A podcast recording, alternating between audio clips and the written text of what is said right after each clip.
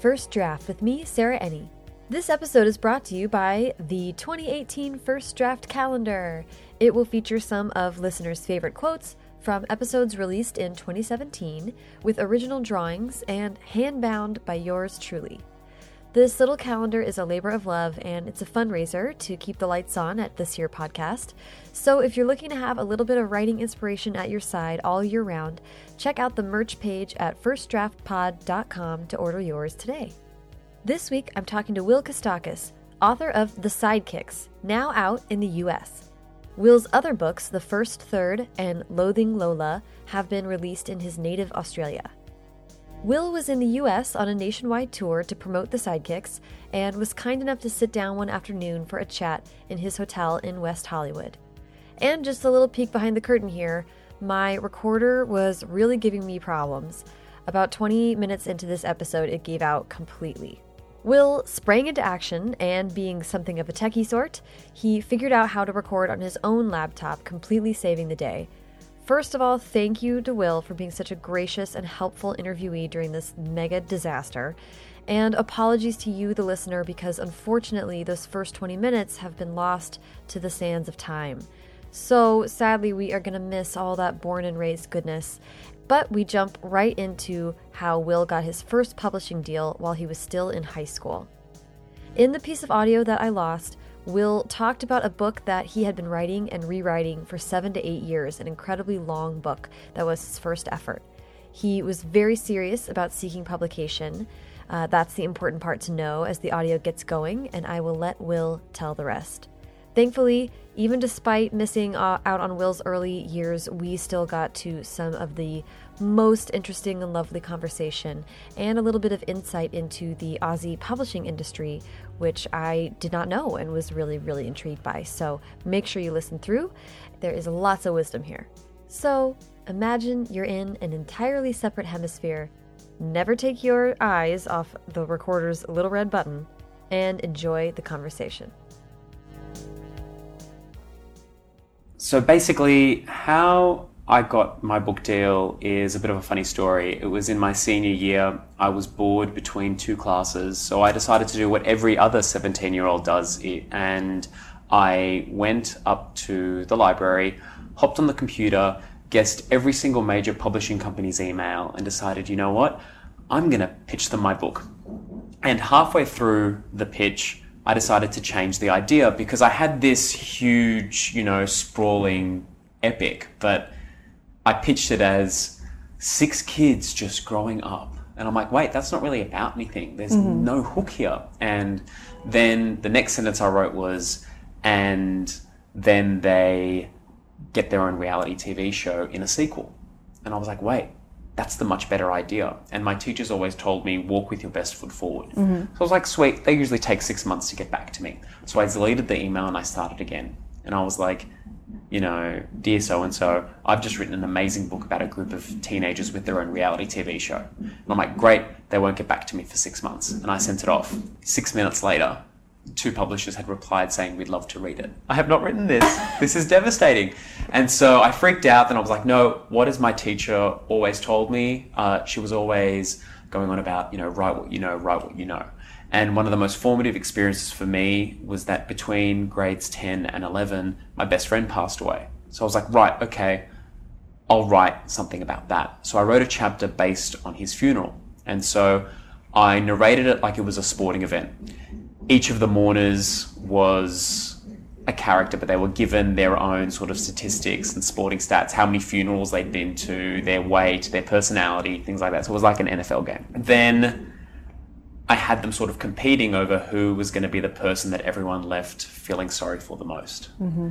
And I played it completely for laughs. And so I sent it off. I'm like, great, that should hopefully stand out. Mm-hmm. And uh, Pan Macmillan replied saying, we'd love to publish you. That started the whole process where I had to sort of go back. And then because I didn't have a book, because I'd right. changed the idea, I had to spend the next two years writing it. Mm-hmm. But the great thing was that I would not have gotten a book deal if I had stuck with that idea that I'd written for seven or eight years. So it really taught me a huge lesson. Don't be afraid to step away from something if it's not working. you know, stepping away from it, I still used the best parts of that. I still used the characters that I'd formed in that, but I put them in a new story that had a stronger angle and that was more engaging. Mm-hmm. I love that you had this moment of like clarity. Yeah, and it was only because I didn't have the book on me. Like I couldn't send it, so I just had to pitch it. So I was like, well, I had that freedom of not having the book saved on anything because this is back in the days of three and a half inch floppies, where mm-hmm. you know I didn't had, didn't have it zipped over seven different floppy disks because Oh it was God. such a massive file. Mm-hmm. And so because of that,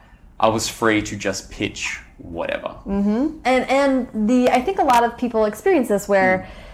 They have a book with characters that they love, and then when you write the query letter or when you are trying to explain to your friend what it's about, then you're like, uh, this completely. isn't actually. So I love that you were brave enough to be like, let me think of it this other way, Hmm. and obviously. It was something that people were responding to right away. yeah, it was it was great, and they really coached me because I had no idea what the industry was like. So I signed the book deal, and then it was a matter of they're like, right, you're 17, we do not trust you. This is how it's going to happen. You're going to send us detailed chapter synopses, and you're going to take a year, and you're going to write this slowly. Mm-hmm. And then I wrote it, and they read it, and they're like, this is terrible. And I'm like, yeah. And they were like, we have about a few months. What do you want to do with it? And I'm like, I think I can change it from third person past to first person present. And they're like, that's a lot of work to do in a short amount of time. And I'm like, yeah, just watch me. And I did that, and that instantly elevated it because the book, there was this distancing problem where the characters felt very distant from the author. And by changing it from being something happening to someone else in the past and making it something that was happening now to you, mm-hmm. suddenly the book was so much better. Yeah. And then it was just a matter of then going through it and seeing, okay, which scenes don't work, which arcs don't work. Mm-hmm. And but really I treat that as my first draft because it was Yeah. writing from scratch and it was writing with the publisher breathing down my back. But I sort of learnt a lot very, very quickly. Yeah. But I learnt a valuable lesson that I could rewrite a really terrible draft in three months if I had to. that's a series of really brave things like pitching your book right to someone changing your whole book on a Yeah. dime and editing you know i'm really impressed with it seems like every project you've talked about so far Mm-hmm. has been one that you're like i can make this better If I do get bored of something after 50 pages, that's really great because then I can sit there and go, what's not working here? Why aren't I passionate about this? Because if I'm not passionate about it writing it, who's going to be passionate about it reading it? Mm-hmm. So, yeah so the chapter was about sort of touching on a really intense thing in your life Mm-hmm. Yeah. And then in writing the full book I chickened out of any sort of in-depth analysis. Like you had my parents' divorce in there, you had my friend passing away, but what happened was it started with the funeral, and then there's this really clumsy three months later in the middle of chapter two. And so there was no engagement with that immediate aftermath because I was like, I'm not ready, I don't want to engage with this. And if you read it, you can tell, like, I love it, but I also hate it because you can tell a 17 year old boy wrote this book. Boob joke, boob joke, fart joke, typo, and that's it. You can see the pieces that would go on to become my next books, the hints at my Greek family. You see dealing with grief and all that sort of stuff, but it's very surface level. And that worked really well because I was looking at what happens when a reality crew, reality TV crew comes in and goes, "All right, we're going to take your life and we want you to talk about all these really dramatic things. Like we mm-hmm. want you to talk about grief. We want you to fight about your family." And the protagonist is constantly rejecting that. So you could easily read it as I could tell that I knew myself that I had to be more open in my writing, but I was Yeah. actively rejecting it. And That's so very clever. You were almost kind of protecting your. I mean, like it's very wise of you to be able to look back and see what. Yeah, I, I can see it, and um, but also it is possible that I was just a terrible writer when I was seventeen, and I was not my best self. And obviously, you don't want to be your best writing self at seventeen. No. I don't want to be my best writing self now. I want to look back at the sidekicks, as proud of it as I am right now. I want to cringe at it in three or four years because that means I've moved past it and I've written something better. And and I'd love to hear how you transitioned from not being brave enough Yeah. to engage with these things to moving on to the first third, which does feel more, a lot more personal. Well, a big motivator for me was fear, and it was look, Loathing Lola came out, it went on to sell a whopping 10 copies, including the seven I bought myself. Not a bestseller. And it took me two or three years of touring Australia, speaking at schools, building up my persona and identity for it to actually start selling. And mm-hmm. then once it started selling, and it was selling pretty well, the publisher was like, great, now it's out of print. And it was done. Oh, really? So- oh, that's devastating. I was lost and I was like, okay, what do I do now? And they weren't exactly knocking the door down for me to write another one. So I ended up going off. I worked in reality TV in Australia for a bit and then an opportunity came for me to write another book. And I knew then that I was like, this could be my last book. What do I write? Mm-hmm. And I'm the kid who sort of everything I did was informed by my family. And I was like, right, if I'm going to write a story, it needs to be that. I need mm-hmm. to engage with that and I need to let my walls down yeah. obviously I didn't break down all of my walls, but you know, I thought about all those big issues in my life. You know, it was the pressure of being part of a single parent household, that fear of, you know, letting down my grandmother or my mum, all that absent father murkiness. And I wanted to engage with that in a novel. And so that ended up becoming the first third, which it came five years after my first book. Penguin rebranded me from William Kostakis to Will Kostakis because I wanted to be young and hip. Um, really brief before we dive Mm-hmm. more into first 3rd I do. I don't want to like totally skate over the interim years. So Mm-hmm. You. So the first book comes out and you do tour a whole lot. Yep. Are you still writing at all? I'm writing, but I'm pitching it to the publisher that I had, and they're like, "Oh, just you know, we'll see. It's not quite there. How about you finish a draft and we'll get back to you?" So mm-hmm. no one was going to give me that chance again to write from scratch. Right. I was mostly focused on finishing university, so I studied media and communications, which was a part journalism, part PR. Mm-hmm. And then I worked for the equivalent of NBC in Australia called Channel 9. Mm-hmm.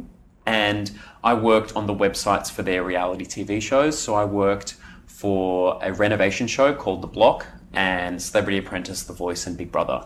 So my claim to fame in Australia is accidentally leaking the winner of Celebrity Apprentice the day before it aired. So no one was watching it because it was the Celebrity Apprentice, but it's the Australian version, so there's there was even less impetus to watch it. I may have been like, right, I'm just going to ingest all the videos and set timers on them, and it'll all go live and it'll all go smoothly. And it did go smoothly until I got the date of the finale wrong, and I set the final five minutes of the finale live the day beforehand. Oh no. And so by the time I got into work the next day, it was national news that Channel 9 had leaked the winner of Celebrity Apprentice. It's like that. The only reason why you watch the finale, it was that final five minutes of, yes, so and so has won. Look at that. And, you know, they gave their really impassioned speech about what the mm-hmm. win means to them. it was the most terrifying experience of my life because the Murdoch press, they had, you know, front page, you know, someone at nine will be fired because they loved playing on that. Oh, You're yeah, fired, yeah. sort of. right. Ugh, the worst. I am really glad that I am part of Celebrity Apprentice's downfall in Australia, considering our current political climate. Yeah. I am happy that I scored that point against them. Yeah, But at the time, I was mortified. I'd let my look. I was a two-person team, and I let my boss down, and it was it felt really horrible. I was after that happened, like instantly, like lost five kilos, and I was like, I'm so stressed. Like in a day, I just mortified, and I knew then, right, you know what? If I'm gonna feel this bad when I mess up, I want to mess up doing something I really love and writing articles for renovation shows and reality TV shows. I enjoy it, but it's not enough. Yeah. So I started thinking about the book. And I remembered I had about 20,000 of it written, and I had a meeting with the publisher. And she was really supportive, and she was like, Look, Will, you know, what are you thinking of? I had this other book that I'd thought of, but in the moment, I did the same thing where I pitched something. I pitched that 20,000 word story. Yeah. And it was this whole, she was Greek, so I pitched her the Greek family experience. She's like, right, go back and write it. I'm like, I've written 20,000 words. She's like, write more. And so I did, and it forced me to write it without a contract. Then, when I was about 70% of the way through, I gave it to them. She's like, it's great, keep writing it. I'm like, no, no, no, money. so, yeah, yeah. yeah, um, it was really great because she really forced me to focus on one thing, and especially Loathing Lola is that scattershot. First book, let's just do everything. With Oh, this yeah. one, I was like, with Loathing Lola, I was writing my first book. With the first third, I thought I was writing my last book. Wow. And so I wanted to make sure that it was the best that it could be. yeah, want to leave everything on the table. Yeah. So the pitch of it is what if my eccentric Greek grandmother gave me her bucket list to complete? But it's not your typical bucket list. Mm-hmm. It's your I'm going to meddle with your life bucket list. But like what an 80 year old thinks is best for you bucket list. So find your mother a husband, ungay your older brother, and make your younger brother not a shithead. And so she's there. She's got a kidney stone, but she's acting like she's about to die. and so that's it. So she gives her bucket list, and uh, the teenage protagonist has to sort of piece his family back together because she sees herself as the glue. And then once she's gone, she's afraid the family will fragment. I wrote it mostly because I could see my family fragmenting. And I was like, right, if they read this, then they will know exactly what they mean to me, and that it's my hope that we piece it back together. Wow, that was happening concurrent to you writing the book. Oh yeah, like you know, I always joke that my younger brother has been going through teenage angst for like 15 years now, and it's that sort of like someone wakes up and you go from being like best friend siblings to just hating each other but not knowing why. Mm-hmm. And so I wrote a novel about these are all the things my brothers do that annoy me, but I I told them that I'm like, look, you know, you're probably not going to like this book, but get to the final scene because that's sort of the thesis point. Mm-hmm. And the really sort of emotional part of it when I think about the book, like I still haven't really repaired my relationship with my younger brother. And the last time he said some like said anything that was really sort of meaty to me was that after my book launch for the first thirty, he texted me and he was like, uh, "It mightn't always seem like it, but I'm always by your side." And I'm like, "Okay, yeah. So you know you're being a shit, but you're just gonna keep being a shit is what you're saying like you're gonna you're gonna acknowledge this is where my character arc is this is what i have to do to repair it i'm not gonna do it but i'm gonna let you know i'm a dickhead but as an older brother i'm so okay with that Yeah. like i see it you tried It's maybe a step in his journey. yeah but Yeah. but that's the thing they can always read that book and know exactly one what pisses me off about them but two just how much they mean to me because they are the center of my world so that was we were all we had growing up. Right. I mean, it seems like, yeah, growing up, that family was central. Mm-hmm. And that's sort of like, I mean, there's a stereotype, I think, of Greek families that they're very boisterous and, and Oh, yeah. big families and, like and a lot of love. you could just follow my grandmother around and say it was fictional, and someone would say it was really stereotypical and harmful. um, my big joke is I want to do like forget Real Housewives. I want to do Real Yayabis, and I want to follow my grandmother and her little clique and have them all fighting over who makes the best moussaka. You know, whose grandson broke up with who, and just like. I think it would be the greatest TV show. because my the- gosh. the high drama is amazing. Like, Yes. oh, I burnt the whatever, kourabiedes, oh, my life is over. Ah, and they swear like there's no tomorrow. Like, they're really artful swears as well. Oh. Like, and really just horrible things. Like, I'm in. I would 100% watch that show. I'd love you to tell the story of the what the first third means. Yeah. That was also like So it was. I remember the publisher being like, "Do you have a better name for it?" And now I understand why they asked me that because every time I say it, they're like the and people talk about it. They're like, "Oh, it's the the first quarter or the the third first or the," and they always trip up over it. It doesn't exactly roll off the tongue quite easily. But then the publisher read the book and they were like, "No, that is the only title for this book," and it's basically the first third of your life is you being embarrassed by your family. The second third of your life is you then trying to build a family like the one that you had. And the final third of your life is you inevitably embarrassing your younger family. And so it's like the circle of Greek life. and because I could see it, I could see my mum making fun of her mum. But then doing exactly the thing that she was making fun of her mum for to me, but in English, when she should know better and it was really funny to see. I can see my mum slowly shifting and becoming, Oh, you know, her mother, and it's I can see myself becoming my mother. It was so fun to read that description and be like, oh, that's such a great way to think about it because that makes me look forward to the, the Yeah. third third. When you could so just much. be an asshole and it's like nah this is it was predestined will Kostakis said so but that was it because i was treating this like if this is my last book i want to talk about the first third of my life like Mm-hmm. i want to talk about this i want to savor this moment whatever Yeah. this is and i wanted to put pen to paper So when you when you had the experience of writing the first book, Mm-hmm. you were a little too scared to go deep. yeah And then you get this sort of, you think the last chance to really Yeah. put something on paper. What do you think it was that made, um, there's lots of things in your life that you could have kind of gotten into and Yeah. talked about, but family, do you feel like that was one thing that you were ready to? It was if I walked into a room and had to give a talk, Mm-hmm. I would tell my origin story. I would say some advice my grandmother gave me, and talking about my grandmother would always make people crack up laughing. Because the first third was actually born out of a school visit that I did, where I had to teach a room full of 300 girls. And they wanted me to teach a workshop. And I'm like, oh, I can't teach a workshop to 300 people at once. So That's a lot. I was like, you know, 20, 30 people, but Right. 300. So I was like, and they, they weren't in on it. Like they were missing out on lunch and sports. Like they were not keen for this. Oh, wow. And so I told them a story about my grandmother and it lit up the room. And then they shared stories about their grandparents and we kept bouncing these stories off each other. And then by the end of it, I was like, whatever just happened in this room, I need to take it and bottle it and turn it into a book. And that became the first third.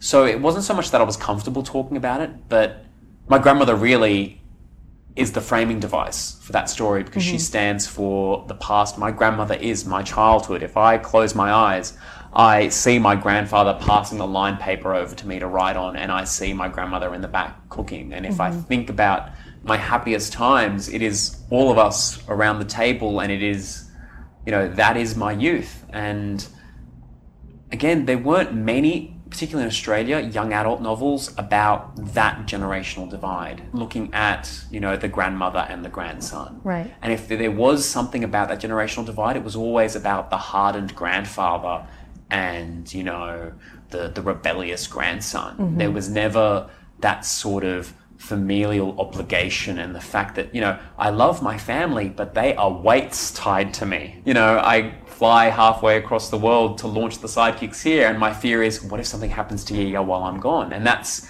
you know, part of it is the guilt trip that they have like laid into me and carefully, just intricately, you Right. know, given me that fear. But there's also that huge fear of loss because I know how amazing it is to have them in my life. And I also know that there's a time limit on that.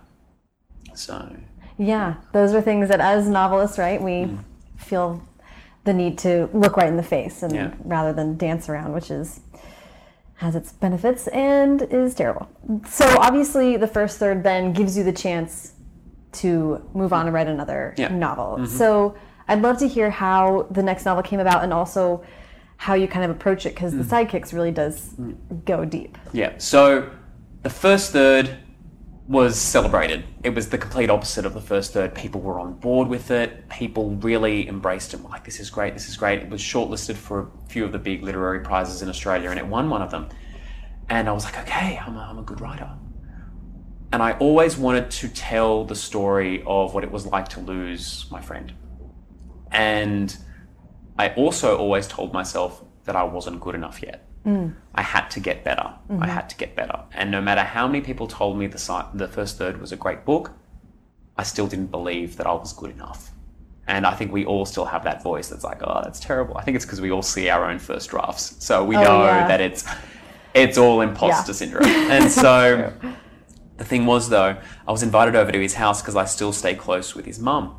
And I saw his photo on the fridge and I looked at it and I realized that I'd forgotten what he looked like. And then I realized I'd forgotten the sound of his voice. I forgot the things we used to speak about. And I was forgetting him now. And that's really weird because he was, if I had to use a metaphor, he was the sun and we were the planets that were orbiting him. And then once he disappeared, it was like gravity was gone and we were just bouncing against each other. But someone who was such a permanent fixture in my life, it was the first time I realized, holy crap, you can forget those fixtures quite easily Right. it'll happen to me with Yaya just as it has with Babu. That memory will fade. It'll still be there, but it'll be like you've kept photocopying it and now it's gotten to the point where it's not really there anymore. Mm-hmm. And I knew then if I had to write that story, I had to write about one, what it was like to have him here, but two, what it was like to lose him. And so I went back, I went through my old, do you remember MSN Messenger? Oh yeah. I went through my old MSN Messenger conversations, cringed the whole way through it, took my old poetry, read through that, and really immersed myself in my teen life. Because I wanted to write a novel about that grief, but I didn't just want to write a really, really sad novel. Mm-hmm. I did want to write a novel about the immediate aftermath. So for me, everything that I cheated myself out of when I wrote Loathing Lola, that mm-hmm. three months later, mm-hmm. no. I had to go back to the hours, days, and weeks after and really see how it shapes your life because like that was the formative experience of my life. It's why I probably look at my grandparents and think, "Oh my god, I don't want you to die." Like that's because once you've experienced that fear, like you know that you're not going to get this signposted. Like there's not going to be a really neat conversation that ends everything and then it happens. It's just going to happen And you- after. your experience is also not of losing a grandparent or someone who is older in life. Yeah, it's it like was- it could happen to me. yeah, it could happen, yep, straight away. And that's the thing, though. And in terms of our relationship, I was one of those people who believed in having one solid best friend, not, you know, spreading myself thin. Like, we did everything together, we spoke together, we told each other some secrets, but it was just. You know, we had this really shared history, and we also had a shared future. I was going to be a world famous author, and he was going to either be my agent or my biggest groupie. And we were going to tour the world until we ended up in the same retirement village, trading the same horrible jokes we made in high school. and the thing is, in an instant, when he passed away, I not only lost that future, but I lost my past because he was the only person I shared it with. And so I had to rebuild myself. I had to become, you know, more open. I had to become more sociable. I had to, you know, really put myself out there. And at the same time, not only did I become the person I, I am today because he died, but I became the author I am today because I wrote that chapter based on his funeral. If that had not happened, I would have been rewriting the same story. Mm-hmm. And that's the really horrible thing is that I achieved my dream, but I achieved it without the one person I wanted to share it with. And that's a really shitty thing to live with. And I wanted to write about what that feels like, where you can see the benefits of someone dying. You can see the net positives that have come from it. But you also know that you would take it all, roll it into a ball, and toss it back just to have him back. And that's what I wanted to write about. I wanted to write a hopeful book that hopefully, if teenagers are going through a similar experience, they will understand the sadness and they'll understand that that's natural, but also that it will help build them. You know, as Spirit Guide Little Kim says, oh, whatever don't kill you can only help build you, which is true. And and that's the thing. Like, not to reduce Ben, who was my best friend, to a life lesson because he wasn't. He was so much more than that. But when it happened, I thought my life was over because it felt like it was and I want to capture that feeling, but I also want to show the first steps towards pulling past it. And now, you know, with 10 years distance, I can see the forest for the trees. Mm-hmm. I can see that that experience has helped me grow in a different way. I'm certain if that hadn't happened to me, I would have been the smuggest asshole to ever walk the earth. But that has given me something to be like, no, wait. And it gives me pause. I always say that I'm no less of a horrible person. I still have my horrible moments because I think we all do, but I think I apologize faster. I know what my last conversation was with Ben because I have it saved on my computer and it was just, hey, hey, sup, nothing much. You? Nah, nothing. Okay, gotta go now. And that was it. And so I try to live my life as if I know it sounds really morbid and it's not at the front of my mind, but live it as if this is my final conversation. I want to be the best person I can be to people in my life. I want to give as much of myself to people as I possibly can. I don't think I've really replicated that relationship that I had with him, and I don't think I ever will because there's a special kind of relationship that you have with someone you're forced to sit next to in the sixth grade, and then you end up enjoying it and you sit together by choice in mm-hmm. later grades. Mm-hmm. And so I haven't emulated that, but I try to emulate the way that we spoke to each other mm. with people. So for me, it takes about 10 minutes for me to be totally okay with someone and to be able to tell them every sort of inappropriate secret that I can. Like So- open book. I wanted to write about that. And the other thing that weighed on my mind was that he was same sex attracted and didn't tell me, and I was same sex attracted and didn't tell him. Really? And we were afraid of each other. And that is such a waste of the time that we spent together. So I knew then, you know, I had sort of introduced a gay side character in the first third, and I had mm-hmm. people come up to me saying, Oh, Will, I really like that he just happens to be gay. It doesn't inform who he is. And I'm like, okay, that's, that's a bit shitty. Um, and they were that. saying that to me as a closeted writer. Right. And so I knew then that I'm like, you know what, I want to explore this in more detail. And hey, you know, the first third, my honesty was rewarded. So I'm going to break down the last of that wall. And I want to really, really look at a sexuality.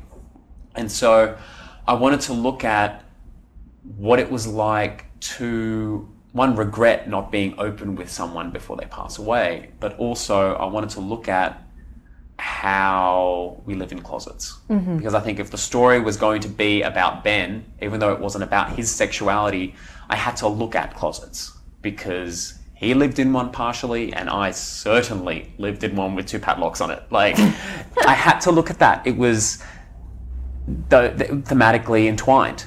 And it is a book about people not being honest with each other. It is a book about discovering who someone truly is. Mm-hmm. And it's the book is from the perspective of three different boys, and they each grieve in different ways. But it's not alternating chapters. It is you get almost a novella in one head, and then once you sort of understand who they are, I rip the rug out from under your feet and I throw you into someone else's.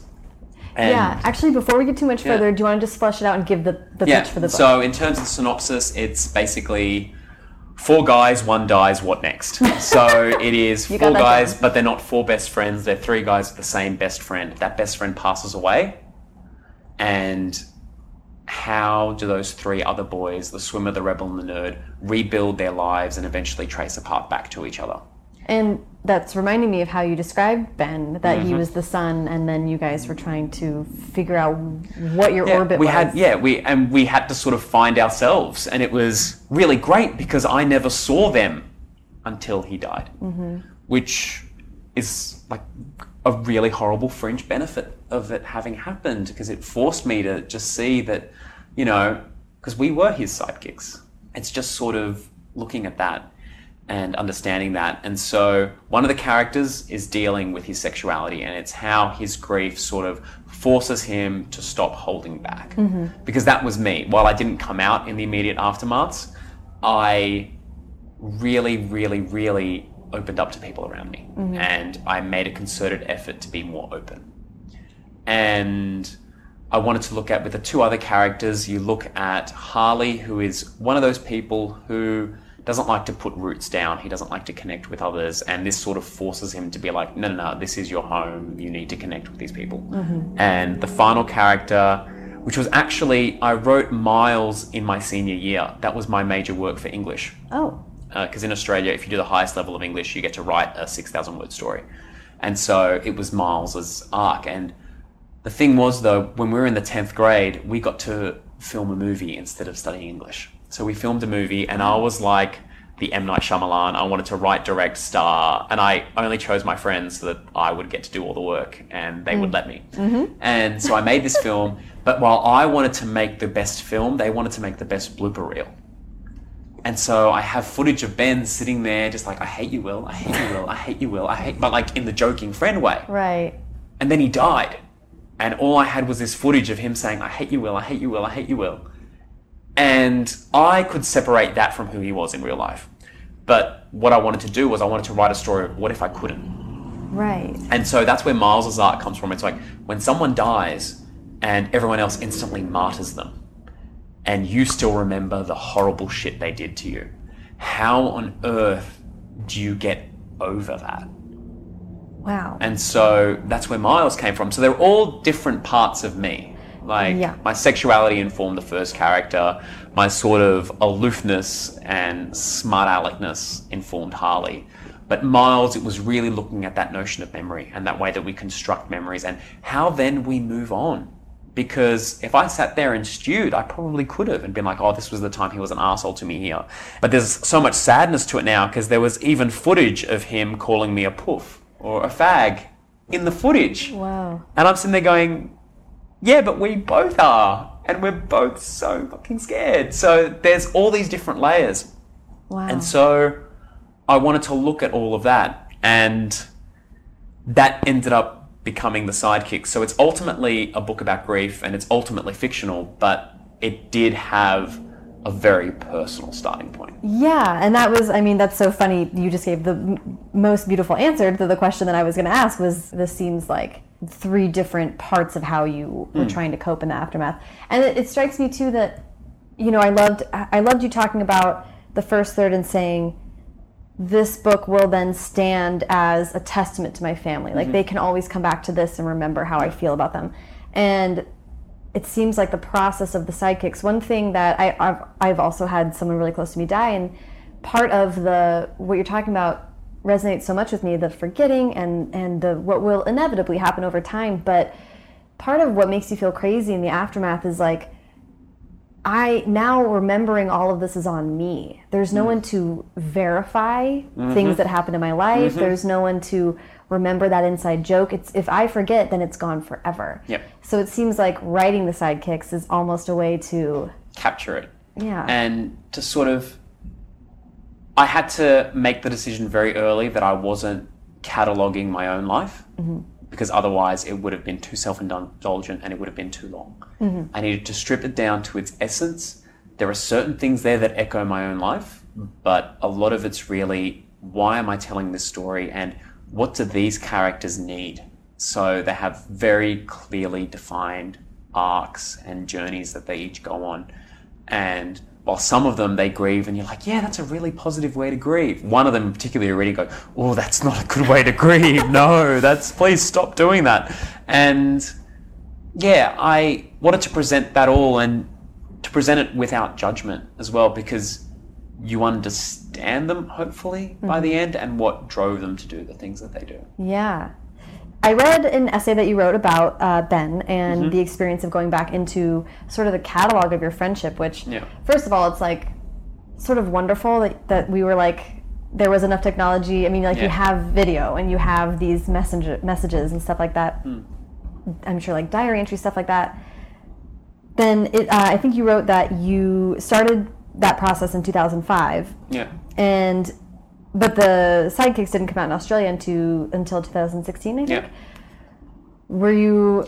So it was 2005 was when I was so I was in my senior year 2006 so it was it. working on that project Okay. and then I set it aside and I'd slowly go oh okay so this this is how this would happen and Mm-hmm. there was some parts of me that were like yeah no this is going to be a TV series and I remember I pitched it to a producer in Australia and he was like no too many characters and I was just like and then I was like fine and then I pitched the first third to him and he was like nah too Greek so I'm like stuff you so maybe I've just been fueled by spite so I wrote the first third and then I wrote the book with too many characters Hey, listen, Which- I'm here for spite writing. That's that's not a bad motivator. it is so good so um I'd love to talk to you about being an LGBTQI author Mm-hmm. and the experience you had recently of deciding to come out and be open about it.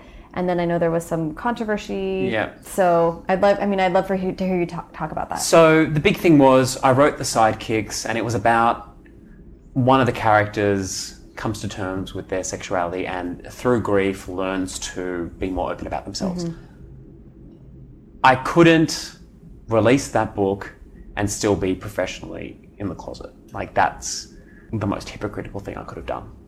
I had come out to my family and most of my friends, but by friends I mean the people that you see every day. I'd uh, sort of, it had been a slow process from only coming out to people when they were moving country to then coming out to close friends to then sort of instigating a policy where if somebody asked about a partner that I had, then I didn't lie about the gender and I used the right pronoun and things like that. So it was slowly sort of. Then nobody asked me questions about who I was dating because no one gave a shit. So that didn't have as huge. I thought that was the last step, but apparently nobody wants to imagine me in any sort of fulfilling romantic relationship, which was like, I guess that's on me. Um, uh, I came out to my mum, she was cool. Came out to my family. I came out to my gay brother like a few days before I came out professionally. It was just like, oh, my partner's downstairs. It's a dude. Like that It's was that's about as much warning I gave him. How, if you don't mind me asking a couple questions about that, um, that's fascinating because your older brother is gay. Yep. How long has he been? Have you known that he was gay? I've known for longer than he told me, but he came out. Well, he came out during the equivalent of my SATs. So I'm like, great, dude. It's not about you. Like, I get it. Personal revelations, but I currently have exams. I gotta go. like, for fuck's sake, just couldn't have timed this better. Like, school holidays are just around the corner. Oh my goodness. A lot easier, like, than navigating this. Right. Right. um, yeah. So he came out just after high school, and Did he have a rough experience? Was there? um, I don't think Mum took it as well as she should have. Like, but she did the whole Greek mother thing where you do something that surprises her, she yells at you for a week, and then loves you unconditionally anyway. Mm-hmm. She's very much of the school of thought where, right, she can say anything she wants about you, but the second someone else does, she will eviscerate them. Right. So, and she was really great. She's big reason why my grandmother knows that we're gay and is totally cool. Mm-hmm. Like, we have family dinners with our partners. She asks how my partner is all the time. She bought us matching gym outfits for Christmas, Stop. which That's is beautiful. Like, adorable. and that's the thing. She got married in Greece. Like, her wedding present was a shotgun and a goat. They shot the goat and came to Australia. Like, and this is a woman who believes that you have to wrap food in aluminium because if the moon sees food, it will curse you and your family. Like, that's what she genuinely believes. Wow. But she's totally okay with marriage equality, which makes you wonder. It doesn't get more conservative than I got a goat on my wedding day. Yeah. So then, what the hell is this other conservatism that I think is more rooted in hate than conserving anything? But Mm-hmm, well, that's for another podcast. And but so, what happened was I wanted to come out, but so I wrote an article for my friend ran a gay publication, Mm-hmm. and I gave it to him. He's like, "Oh, it's not gay enough for us. Can you gay it up for us? That'd be great." And I'm like, did- "Oh." Because I didn't actually say the word gay. I just I Oh. was being artsy fartsy, and I spoke about how when you're gay and closeted, you have a lot of close friends. Uh-huh. You never have a partner. You have a close friend. Mm-hmm. So if anyone asks, oh no, we're just close friends, right? So I spoke about that and the way that oppressive language and how we use that. So the whole point of the article was not saying the word gay. Like that was the Right. point of it. And whether that was also me being like, oh, I don't want to say the G word, because I'd never really said it. And it wasn't until I came out professionally and it became this whole thing that I had to keep saying the word. And it took me about a year and a half to be like, yeah, I'm good with it now. Right. Um, so I didn't want to put it on his publication, so I put it on my blog instead. A whopping like three people saw it. One of those people, though, was the librarian at a school who had offered to launch the sidekicks for me.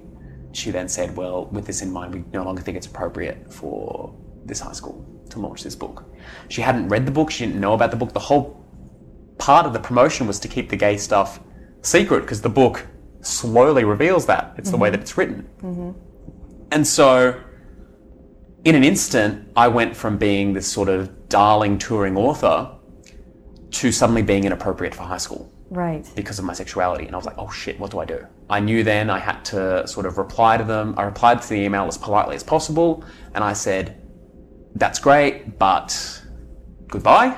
Right. Thank you for everything. Well, interestingly, she didn't disinvite you, right? Hmm. Yeah, it She was just, said- you can still. So she said, you can't come and do the launch, but we'd love for you to come back and do this other thing and talk about the first third, which had the queer character anyway.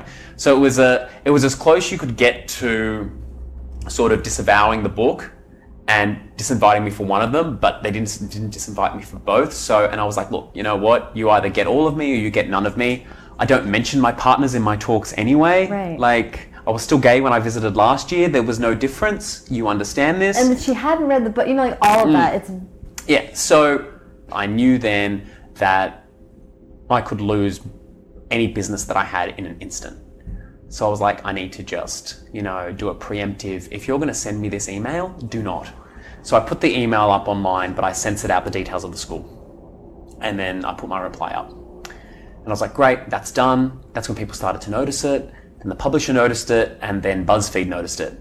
And then it became this big thing to the point where I couldn't use my phone for a couple of days because everyone kept messaging. And Really? like it was ridiculous Wow. ridiculous. And that was the day of the book launch.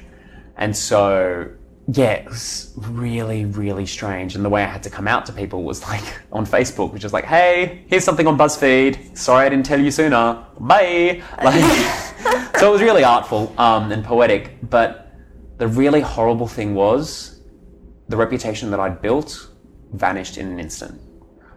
I went from being that young author that got kids engaged about reading and writing to being the inappropriate gay guy you can't have come to your school. And there were some Catholic schools that ran with that. And I had to basically speak at schools for three months for free to one, rebuild my confidence, and two, just to get it out there the fact that everything I was doing was still exactly the same. And when I spoke about the book, it was about grief, it wasn't about sex.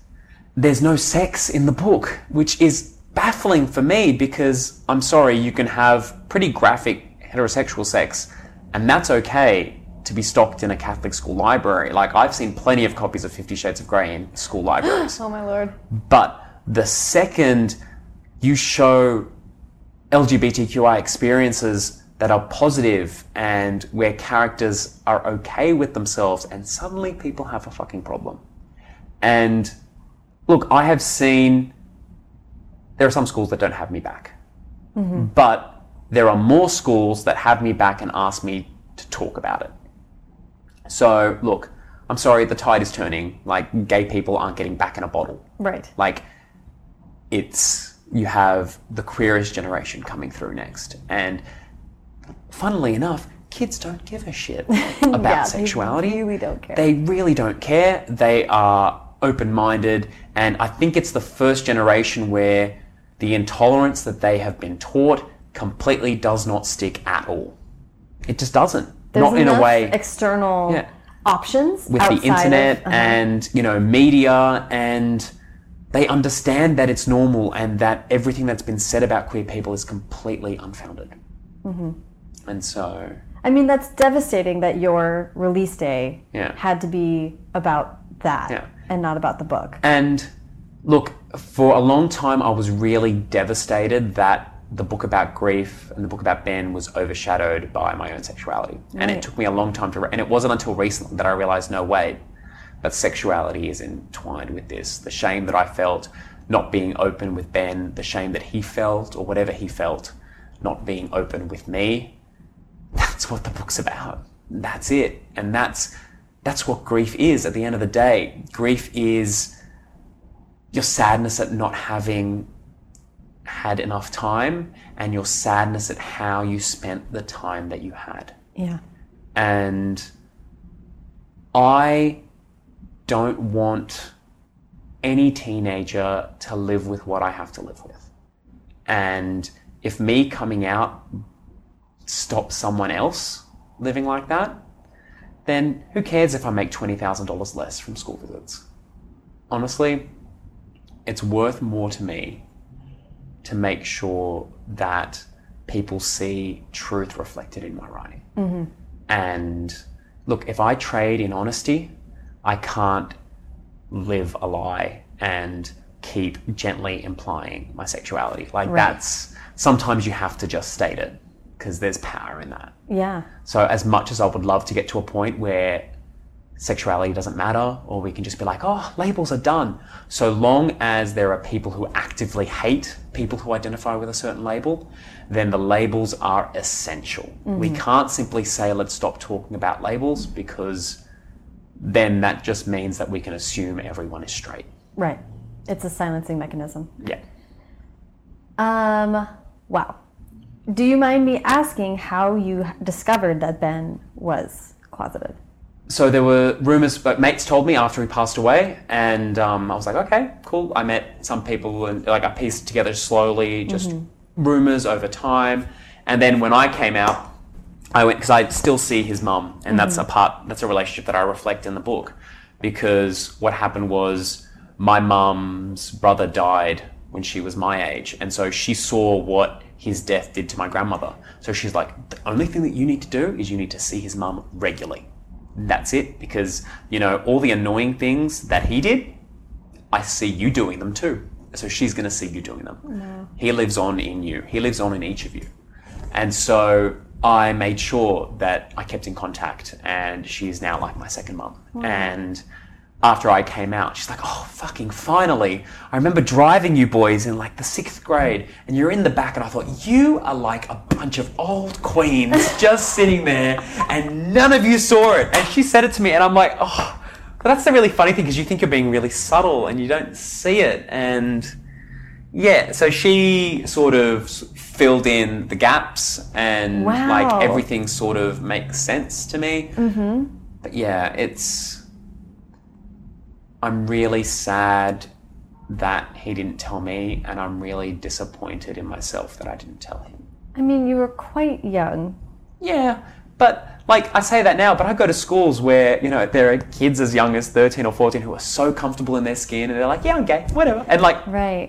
and it's this confidence that my generation didn't have, Right. And um, Yeah, I mean, my no one was openly gay at my school. Yeah. There was a girl who was openly bi, but that and looking back, I'm like, that's wild. Like that's Yeah. so that's so untrue. That's so, So- people didn't feel like they had the ability to talk about it, and But- we were not that much older then. You know what I mean? yeah, and but now when I visit schools, I'm like, holy, like when they talk about like the the generation divides and how generations are just like shorter and shorter, I'm sitting there going, I recognize this, but I don't recognize this. Yeah, like it's, just very true. Yeah. How do you think that that that I mean I know Australia is having a situation right now of voting. Um, I think it's just a poll. It's like a Mm-hmm. Non-binding. it's, it's a non-binding postal survey because one, they don't need to do a referendum because it's not in our constitution. Mm-hmm. It's basically a delay mechanism by the Conservative government, and it's a way for the anti-same-sex marriage people to get their poisonous views across and say it's political advertising. Right. So it's a poll about whether or not Australians favor Yeah. same-sex marriage. Yeah, it's just it's run by our census.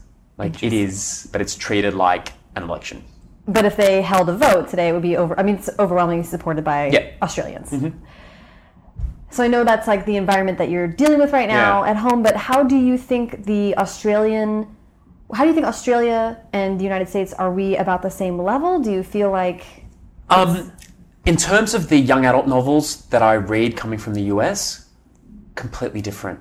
I think the Australian market is so deeply entrenched in schools, and when you're so reliant on school purchases, you have to understand that the Catholic schools are incredibly powerful. You don't want to rock that boat, and even if they don't read the book, they will say the boat was rocked anyway. And I think that we're really hesitant, and we didn't have middle grade really until the previous year. Like they've only just started having middle, as in middle grade books. Oh, okay. But we don't. Some schools have middle grades, but it's not really. But you also you you said seventh grade through twelfth grade is, Is high, school. So yeah. wow, that's interesting. so we don't have middle grade books. But the thing is, you have middle grade books in America that deal with sexuality, that deal with trans identity, that deal with these truths. Whereas I can't go into a seventh grade class in Australia and say the word gay. Wow. That's not a thing I would be comfortable doing. So we're really behind in that sense. Interesting. Um, in terms of attitudes, America, I drove across the United States two years ago, and it's it's different everywhere you go. Every couple of hours, it was like I was in a different country. It's not like, and that was really jarring for me because Australia is very clearly one country. Like sometimes if you go to the regional areas, and it's like it's just outback and city, and you can divide it that way. But here, it's deeper than that. There are it's just very very different state identities Yeah. there are some places I certainly wouldn't hold hands with my partner. Mm-hmm. But there are some places where it's like, yeah, like that's just a thing. So And that's interesting that you. So you're you're saying you kind of feel like Australia is moving forward, like though not everyone's in sync. Yeah, it's, it's- the whole country's moving in one. The, yeah, it is. We are moving, and but it's we've had really stag this really stagnant political environment for I'd say almost the past for as for as long as I've been politically engaged in terms of reading and consuming media. Mm-hmm. I'd say the past decade or so, there have been some moments where we've stepped forward, Mm-hmm. but we're really crawling in terms of things like, but I'm sure it's the same here in terms of, you know, climate change, in terms of social issues. There are things that we're just, we're not moving with the times for the sake of not moving with the times. Mm-hmm. I don't really understand. Nobody has come out saying this is my bold vision for the country in 20 years.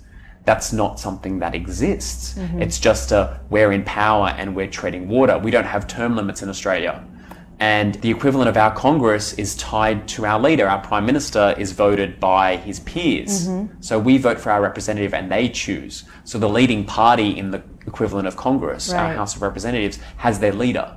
So we don't have those different branches of government. Wow. So they don't really have to have this bold vision. They just need to maintain.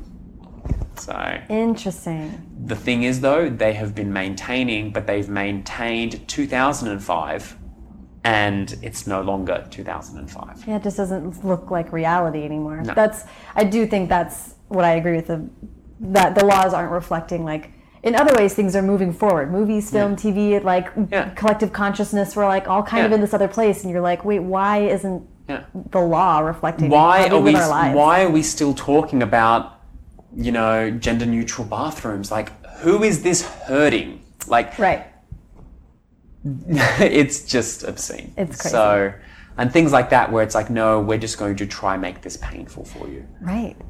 So, last question. Mm-hmm. Um, I'd lo- love to just ask a little bit about Austra- Australia publishing and then advice, and then Mm-hmm. Yep. we'll wrap up with, Cool. with advice. Um, so, I'm going to be honest. Mm-hmm. I think my question is like, can you give me your perspective of publishing as an Australian author? I don't know what it's like Yeah. for you to be in Sydney writing books and then I'm guessing wanting to break into a US publishing Yeah. market, or how does Well, the thing that we always hear is that it's too Australian. Mm. I think it's really strange that we read American books without them being Americanized. But we're told that our books are too Australian to appeal to an American audience, which I think sells an American readership way, way short. Because imagine someone saying that Harry Potter wasn't American enough. Like Right. the quirkiness of Harry Potter is its innate Britishness. It's that really ridiculous currency. It's that The quaint. yeah, it's that. It's the fact that it feels British. Mm-hmm. Like that's what made it work. I feel like it's this weird thing where it's like even though we speak the same language, will this book be lost in translation? Because and I find that young adult novels, again in Australia, very geared towards a school market, very geared towards being studied. that's so It's, interesting. it's very rare that you'll find a teen book that was like, you know what, I want to make teens laugh. You say that, and they'll just be like, oh, well, Do you, so so most uh, and this is of course we're talking in broad generalizations, Mm-hmm. Yeah, yeah. but um, so would, would you say the Aussie YA market is like issue books more yeah, or like yeah, yeah, okay yeah, cool. yeah. And it's like it can be slotted into a study of identity or something like this. right Or, how and- limiting Yeah, and you read stuff that is being written in the US, and it's so exciting and it's so much fun, and you can talk about it like you don't see kids on the playground going, "Oh my god, this was such a riveting exploration of identity." And so, right. you know, for me, and I caught myself doing that, especially with the sidekicks I was writing. I'm like, wait, am I writing this book for me, or am I writing it for teenagers? And so mm. that really informed, especially the way that I wrote Harley mm-hmm. because he was coming off too literary for who his character was. So I'm like, stuff it. I'm going to delete it. I'm going to write this as first draft, mm-hmm. and I'm going to make it as rough as possible and make it just as fun as I can. And that made the book a lot better. But I do find that there is this sense in Australia that we're not writing for teenagers, we're writing for the adults that are going to give the books to teenagers. So if I talk to teens and say, hey, this book has a gay character in it, they'd be like, yeah, cool but the adults are the ones that have the problem with it. that's fascinating So there's that. And so I'm reading a lot more American young adult novels at the moment. I'm like, mm-hmm. oh my God, this is like, I want to be in this world. This is fun. Mm-hmm. And, you know, as much as I love Australian books, there is something that we're losing sight of. But the thing is, that's the reality of it. If you get selected, we have this thing called Australian Standing Orders where something is bulk buyed for 2,000 libraries around the country. wow So if you get on that list, your book sells 2,000. And when most books, in terms of Australian books on BookScan will sell like 2,000 in store. If you sell an extra 2,000, then that's you've doubled. Mm-hmm. That's huge. like that justifies a publisher's investment. Right. Well, out here, yeah, it's like if you get in Walmart or Target, Yeah. a very big deal. Um, that's fascinating. So how do you, I mean, how do you contextualize? Then there's like Jay and Amie who are doing. Yeah, but that's it. They're doing. No one's writing that in Australia, and that's where it feels like I read it and I understand. I see the Australian sensibilities coming through. I see the way the characters speak, the way they engage. I see Australian values in their texts. Mm-hmm. But they're writing. They're writing American books with Australian values. And it's like not missing a beat. People, I No. mean, everyone's obsessed with their books. Yeah, and that's the thing. I think what people would really love about them is the Australian stuff. Like mm-hmm. that's what gives them their edge. Mm-hmm. So Thank you for that because I feel like we don't talk enough about, and I want to get into it more on my show, like international markets and how Yeah. we're engaging with them. Because it's like you're saying, there's so many brilliant voices out of Australia. How many? br- I mean, like Amie J. Garth Nix, uh, uh, like- Melina Marchetta. Exactly, and I don't think that an American reader will be like, oh, they say year six instead of the sixth grade. This book doesn't make sense to me. Like, I'm sorry, teenagers can Google shit. Like, Yeah. they're not going to see pavement instead of sidewalk and just shut down. And like entirely. close the book and walk away. That's Yeah. not how it works. No, and it's just they will, and I think it's good to see how other people do things. Like, mm-hmm. but at the same time, would Harry Potter have been as successful if it was Harry Potter and the Philosopher's Stone here? That's a really interesting question. Because Philosopher's philosopher- Stone doesn't really scream magic. No. Sorcerer's Stone is not a thing, but it screams magic. Yeah, that's so interesting. Well, and I could talk about translation. That's a whole other podcast. Yeah. That, that'll be 2.0. But okay, so so like I said, we like to wrap up with advice. Mm-hmm. Yep. So I would love to. I actually, if you don't mind, I'd love to hear just advice for new writers, Yep. and then if you have advice for Australian writers, people Okay. who are trying that. So my advice for aspiring writers is to write a lot, but find someone who will tell you your writing is shit. Like, yes, have someone who supports you and says everything's amazing. So find my mother. Um, but then also find someone who tells you, look, this lost me here, or this feels a bit flat, and accept it. Like, yes, you can sit there and you can fight with them and you can try to talk them out of it, but there are two parts to a story being written and being read. And you've got to sit there and understand, all right, if this isn't connecting with a reader, I need to know why. What is my shortcoming? What am I not writing properly? Even if their solution isn't correct, usually they have identified a flaw. And plus, you know what you're good at. You might have a strength that is dialogue. So maybe rely on that more or workshop the other parts and see what you're not good at. Identify your strengths and weaknesses and see how you can improve over time. And in workshop, they'll do the thing where someone get they get to everybody around the table gets to talk about your book, and you can't Oh. give an explanation, right? Like you're not allowed to talk. Oh my God, And that was always the like a really telling moment where it's like you don't get to explain it. Someone's just reading it. These are just readers telling you like this is what I thought, and you're just like you can't talk, and people are having this conversation, and you're like all of my intentions flew out the window as soon as it's them reading the book. It was like amazing Yeah. and deeply distressing. Death of the author, that's it. It's just what's on the page. Yeah. And what else? So, advice for Australian authors is that just like what they should do? Or? Well, if you, I mean, if you were talking to someone who was like, I really want to write YA Uh-huh. in Australia, Yep. If you really want to write YA in Australia, be mindful that there are those restrictions. Be mindful that it is very school centric, but find a way to sneak in the story that your teen self would want to read. But not just your teen self. You can't write books set in the 80s and 90s because they piss me off. Thank you. You need to, rem- like, no teenager is going to be like, oh my god, cassettes. Like, they don't give a shit deal with their world. If your story needs to be set in the 80s and 90s to have resonance, you're writing an adult book. You're writing your reflection that has meaning for an adult audience. That might actually do well in Australia because the librarians are shockingly adult.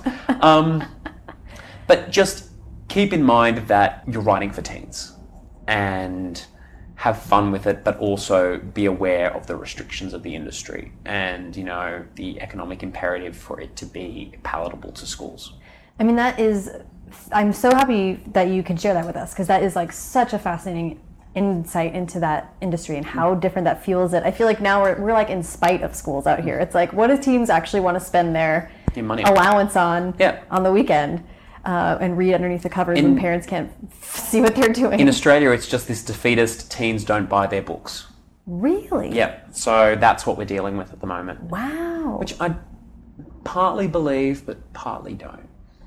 I, out here, I mean, it's not true here. Teens uh, survey recently showed more teens prefer buying physical books because teens are Mm-hmm. still collectors. They love to hold things. It's the adults that want the Kindle. Yep. Teens are like, no, no, no. I want the Taylor Swift album. I want to buy vinyl. I, Yeah. Like, you know, it's the whole thing. Anyway, thank you so much, for listening. No, was so thank you so much for having me. I had an Yay. absolute blast. Yay.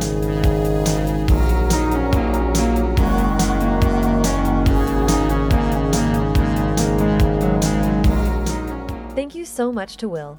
Follow him on Twitter at Will Kostakis and follow me at Sarah Enni and the show at First Draft Pod. You can follow the show on Instagram and Facebook too, but for links to everything Will and I talked about in this episode, as well as a searchable archive of previous interviews, and to sign up for the First Draft newsletter, be sure to check out firstdraftpod.com. Don't forget to pre order your first draft calendar on firstdraftpod.com or look for the link to that on Twitter, Tumblr, or Facebook. Again, if you have any burning questions you'd like to hear me and or some author friends address, send them over in an email to questions at firstdraftpod.com. If you like what you heard, please leave a rating or review on iTunes. Every five-star review is helping me build the joy of that second third.